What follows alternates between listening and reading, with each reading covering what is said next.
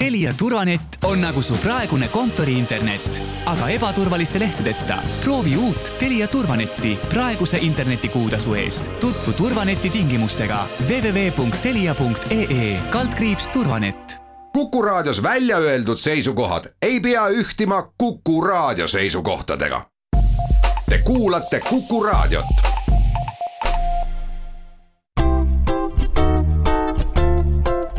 patsiendiminutid. Patsiendiminutid toob teieni Eesti Patsientide Liit tere, hea Kuku kuulaja! mina olen Kadri Tammepuu ja tänases saates räägime me igemehaigustest ja hambaravist. meil on teisel pool kõnetraati liinil Hambaarstide Liidu juhatuse liige, hambaarst Kristina Kiisa, tervist! Tere! kevadine koroonaviirus lõpetas pooleteiseks kuuks hambaarsti juurde mineku võimaluse ära. viirus nüüd levib taas jälle rohkem. kuidas hetkel lood on, et kas hambaarstid ikka töötavad? no üldiselt hambaarstid töötavad ja töötame nüüd ikkagi isikukaitsevahendites et kõik täies varustuses, sest meil on tegu aerosoole tekitavate protseduuridega. kevadel panime meid kinni, sest meil puudusid vahendid ja meil puudusid ka teadmised. aga nüüd on maskid, põlled, visiirid olemas? maskid, põlled, visiirid, respiraatorid, no mütsid, eks me harjume sellega mida see kevadine pealesunnitud tööseisak patsientidele kaasa tõi, et kas järjekorrad venisid pikemaks ja kas siis võis ka pärast öelda, et hambad on kuidagi kehvemaks jäänud? patsiendid olid väga mõistvad, kannatasid eelkõige need, kellel oli pooleli midagi, kellel jäi päevapealt pooleli seal ütleme, pooleli olevad kroonid, mingid lihvitud hambad, paroravi jäi pooleli nende patsientide pärast me tõesti muretsesime, aga ülejäänud asjad sai edasi lükatud ja esmaabi oli ju olemas no koroona ajal ilmselt äh, kroonilised haigused olid äh, ühed, mis kippusid hullemaks minema. kuidas hambahaigustega oli, millised kroonilised hambahaigused on, mis kannatada said või läksid hullemaks? kroonilised hambahaigused on, no ütleme, pooleliolevad juureravid, no nendega isegi mitme kuu jooksul midagi ei juhtu, kui on korralikult alustatud ravi, aga põhiline on parodontiit. parodontiit tekib ka ju aastate jooksul ja siis, kui hakatakse seda ravima, et siis seatakse mingisugused äh, intervallid visiitidele ja siis, kui sa ei saa neid teatud vahega käia arsti juures, võib-olla need inimestel, neil tekkisid tagasilöögid jah, ortodontias sama, kellel hambaklambrid on, et kindlate vahedega peaks käima ja need siis ei pääsenud, aga noh, lihtsalt asjad venivad ja nüüd on need patsiendid ju kõik mingit moodi järjele saanud üks täpsustus ka, et äh, mis see parodontiit täpsemalt on nendele inimestele, kellel hambad täitsa terved on? parodontiit on äh, üks kahest suurest suuhaiguste rühmast, et üks on kaaries ja teine on parodontiit ja mõlemaid haigusi põhjustavad bakterid. ja see on maailmas kõigi enim levinud haiguste hulgas kuuendal kohal, nii et see on väga levinud haigus. inimesed tihti ei aima ja ei teagi, et neil see haigus on, mõtlevad, et hambad on terved, mis ma seal hambaarsti juures käin, ja tihti see ongi inimestel, kelle hambad ei ole katki, et neil ongi just see teine parodontiit, igemehaigused mis seal ligemetega siis juhtub, et ähm, see iitlõpp, see viitab justkui mingile põletikule? suus olevad bakterid ladestuvad hammastele, kui neid korralikult ära ei pesta, isegi inimene, kui ta arvab, et ta teeb seda piisavalt, siis mingisugune ladestus sinna jääb. Ja see põhjustab omakorda igemetest põletikku igemed lähevad veritsema, tursuvad, mõnel on hästi punased, valusad, aga mõnel ei ole. aga igal juhul seal tekib põletiku reaktsioon ja see põletik läheb verre. ja veres tekib omakorda ütleme, immuunreaktsioon sellele. koroona tekitab hetkel kiire immuunvastuse, siis parodontiit on aeglane aastate jooksul, isegi aastakümnete jooksul. ja mis sellest siis tulenevad, sellest võib tulla palju üldhaigusi südame-veresoonkonna haigused kõige levinumad, siis äh, liigesehaigused, on leitud isegi ühe kindla suus oleva bakteri otsene seos pankrase vähiga, ma neid ladinakeelseid nimesid ei hakka teile siin tooma, aga see on seotud puuduliku hügieeni või isegi täiesti hügieeni puudumisega, et üldse ei, ei pesta hambaid et kõik see bakterite kompott, mis seal päeva jooksul tekib ja jäägid, need tuleb ära puhastada. samas on ju osad inimesed, kellel parodontiidi nähtusid ei teki, isegi kui nad võib-olla pesevad täpselt sama palju hambaid kui keegi teine, et miks siis osadel see haigus tekib ja teistel vähem, on see kuidagi immuunsüsteemiga seotud või, või millegi teisega? bakterite kooslus suus on inimestel erinev, kõigil meil on bakterid, osadel siis on see tasakaal rikutud, et bakterid, neid kasvab rohkem seal, nad on nagu soodsad selle parodontiidi tekkele ja tegelikult see bakter ise ei ole niivõrd äh, määrava tähtsusega kui see immuunvastus, mida siis keha selle bakteri tõrjumiseks teeb enne suuremaid operatsioone vanematel inimestel soovitakse suud korda teha, sest vanasti kardeti väga, et operatsioonide järgi näiteks tekib kopsupõletik, et huvitav, et miks see tekib. aga suubakterid on ette nähtud suhu, et nad ei tohiks olla kuskil mujal kehas. Needsamad bakterid läbi selle igemepõletiku annavad ärritust trombotsüütidele ehk põletikuga seotud vererakkudele ja kogu kehas tekib niisugune stressseisund inimesed tihti käivad tavaarstide juures, tehakse vereproove, ei leita nagu midagi, vereproovid näitavad, nagu oleks põletik kehas, kuskilt midagi ei leita, inimesed on tohutult murelikud, aga keegi suhu ei vaata ja sealt tegelikult ka suhu niimoodi pealiskaudselt vaadates midagi väga ei paista. noh, on natuke seal igemed punased ja midagi, aga tegelikult see peab ikkagi olema inimene, kes oskab seda vaadata ja mõõta ja selle asjaga tegeleda, et siis saab aru, et see on põhjus. kuidas seda parodontiiti siis äh, arstid ära tunnevad, et noh, ma saan aru, et inimene ise saab vaadata, et nagu igemed veritsevad või valutavad või hambad loksuvad, aga mida arstid rohkem teevad või näevad? Ütleme, see hammaste loksumine on juba parodontiidi juba hilisem staadium, et kõigepealt tekib igemepõletik, see on niisugune väike kerge punetus igemeservas, hambaid pestes ja mõnikord ka süües on märgata, et igemed on valusad ja veritsevad. ja mis siis tihti on inimestel selle vastureaktsiooniks, et nad pesevad vähem sest see on valus, veritseb, oi, ma tegin oma igemetele liiga, ma pesen natuke õrnemalt. aga tegelikult on just põhjus see, et hambad ei saa piisavalt puhtaks hammaste külge jääb ikkagi see bakteriaalne ladestus, mis siis kogu aeg jälle käivitab, see on nagu nõiaring, eks ole. osadel inimestel on see veritsus kohe niimoodi, tekib väga kiiresti. Ja osad on niimoodi, et on aastaid-aastaid, siis ta ütleb jah, on alati niimoodi olnud. Ja osadel inimestel ei ole absoluutselt mitte mingeid kliinilisi tunnuseid, eriti suitsetajatel, neil on igemed kuivad, ei saagi aru, et paradontoos on käimas. kui juba igemed veritsevad, siis on tõesti viimane aeg pöörduda hambaarsti juurde ja mida siis hambaarstid teevad või kuidas nad siis aru saavad, et äh, tõesti ongi nüüd parodontiit ja no eks kliiniline mm pilt ja siis röntgenpildid vaadatakse, kas on juba igemetest sügavamale hambast ümbritsevatesse kudedesse haigus läinud, et kas seal on igeme all juba hambakivi räägitakse patsiendiga, katsutakse aru saada, kuidas tal see geen toimib. parodontiidi ravi on hambaravikabinetis eelkõige kõikide nende ladestuste, pehmete ja kõvade siis eemaldamine, patsiendi tagasikutsumine teatud intervallidega ja just patsiendi nõustamine, et ta ise suudaks adekvaatselt nii hästi kui võimalik kodus neid hambaid puhastada ja muidugi suuloputused, klooreksediin on tavaline, mida siis lisaks soovitatakse, aga on veel palju niisuguseid spetsiifilisemaid asju. antibiootikumide ravi ei aita ja mingisugused tablettide võtmised ka eriti ei aita, et see on ikka kohalik ravi, puhastamine võimalike pastade ja abivahenditega, elektrihambaharjad ja vaheharjad ja hambaniidid. Läheme siit korraks väikesele pausile, peatselt oleme tagasi, nii et jääge kuuldele.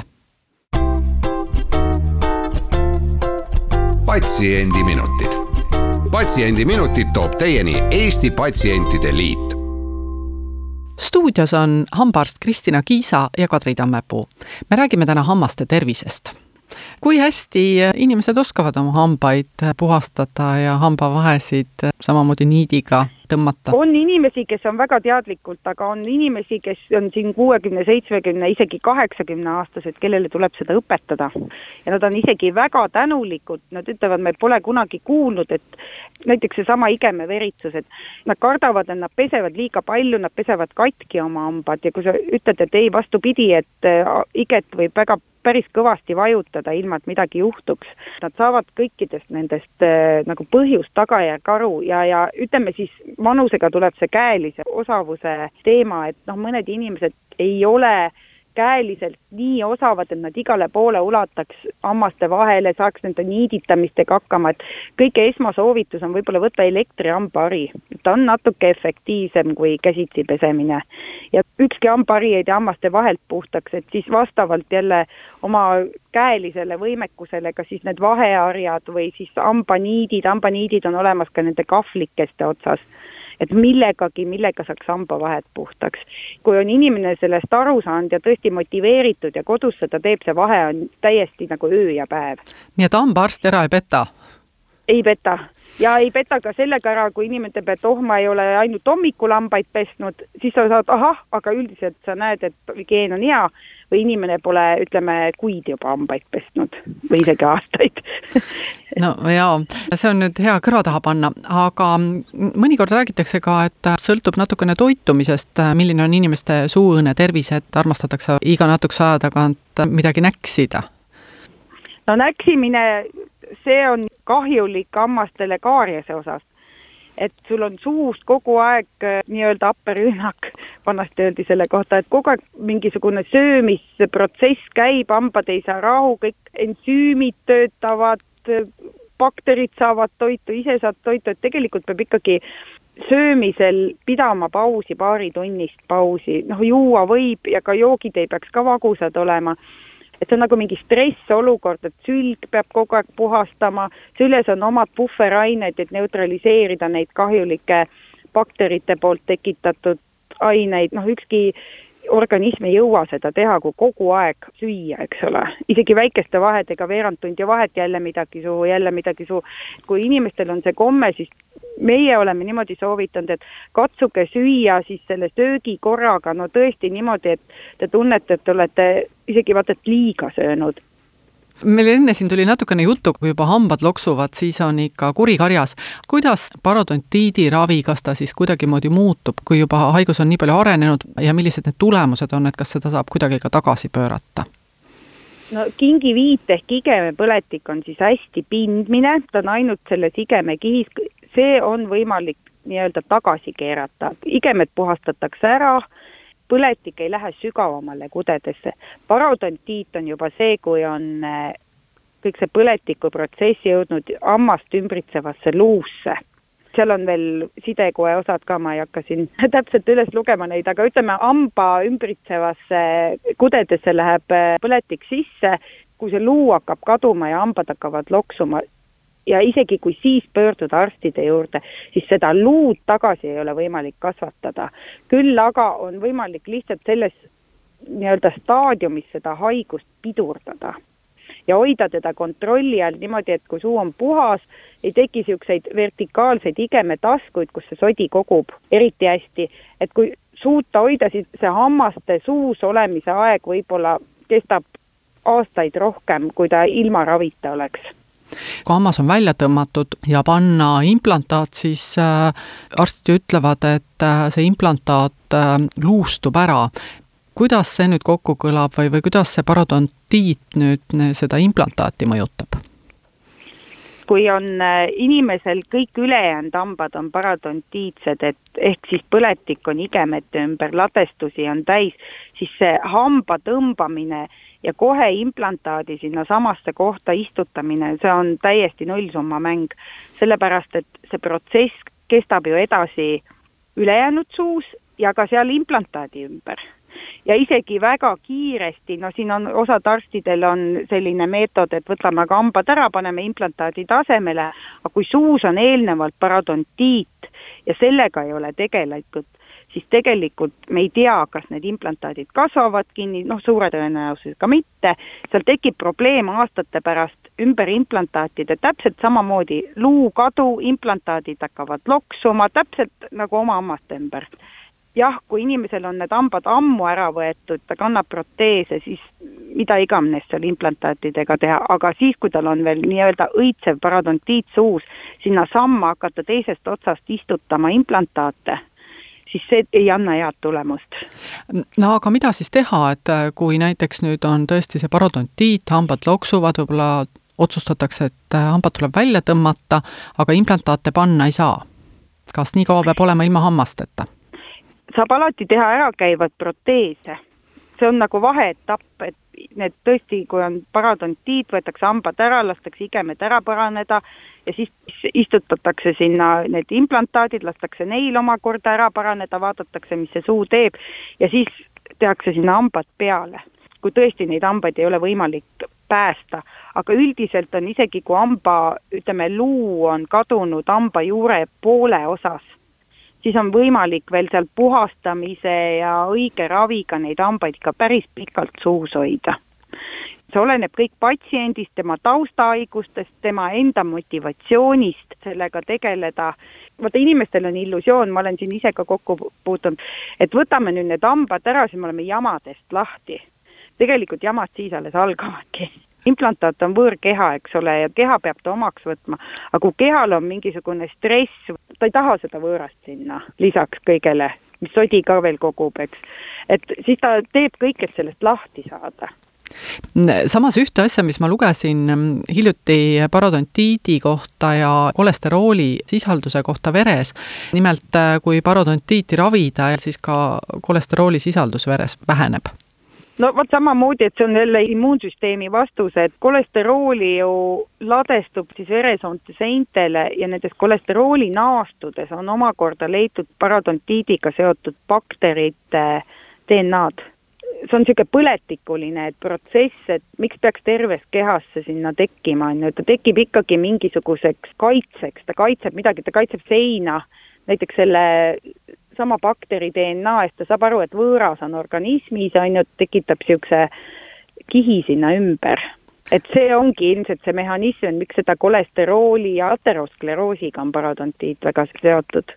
ilmselt samamoodi, et see on ju krooniline veresoonte põletik aga nüüd, kui ähm, mõni patsient äh, maandub sulle hambaarsti tooli ja, ja sa näed, et ta suu on ikka täitsa kehvas seisus ja oled teinud nii palju, kui sa suudad, mis on siis need kolm näpunäidet, mis sa talle kaasa annad ja ütled, et nüüd edaspidi ole hea, et kui sa tahad, et asjad on kontrolli all, tee seda ja seda ja seda?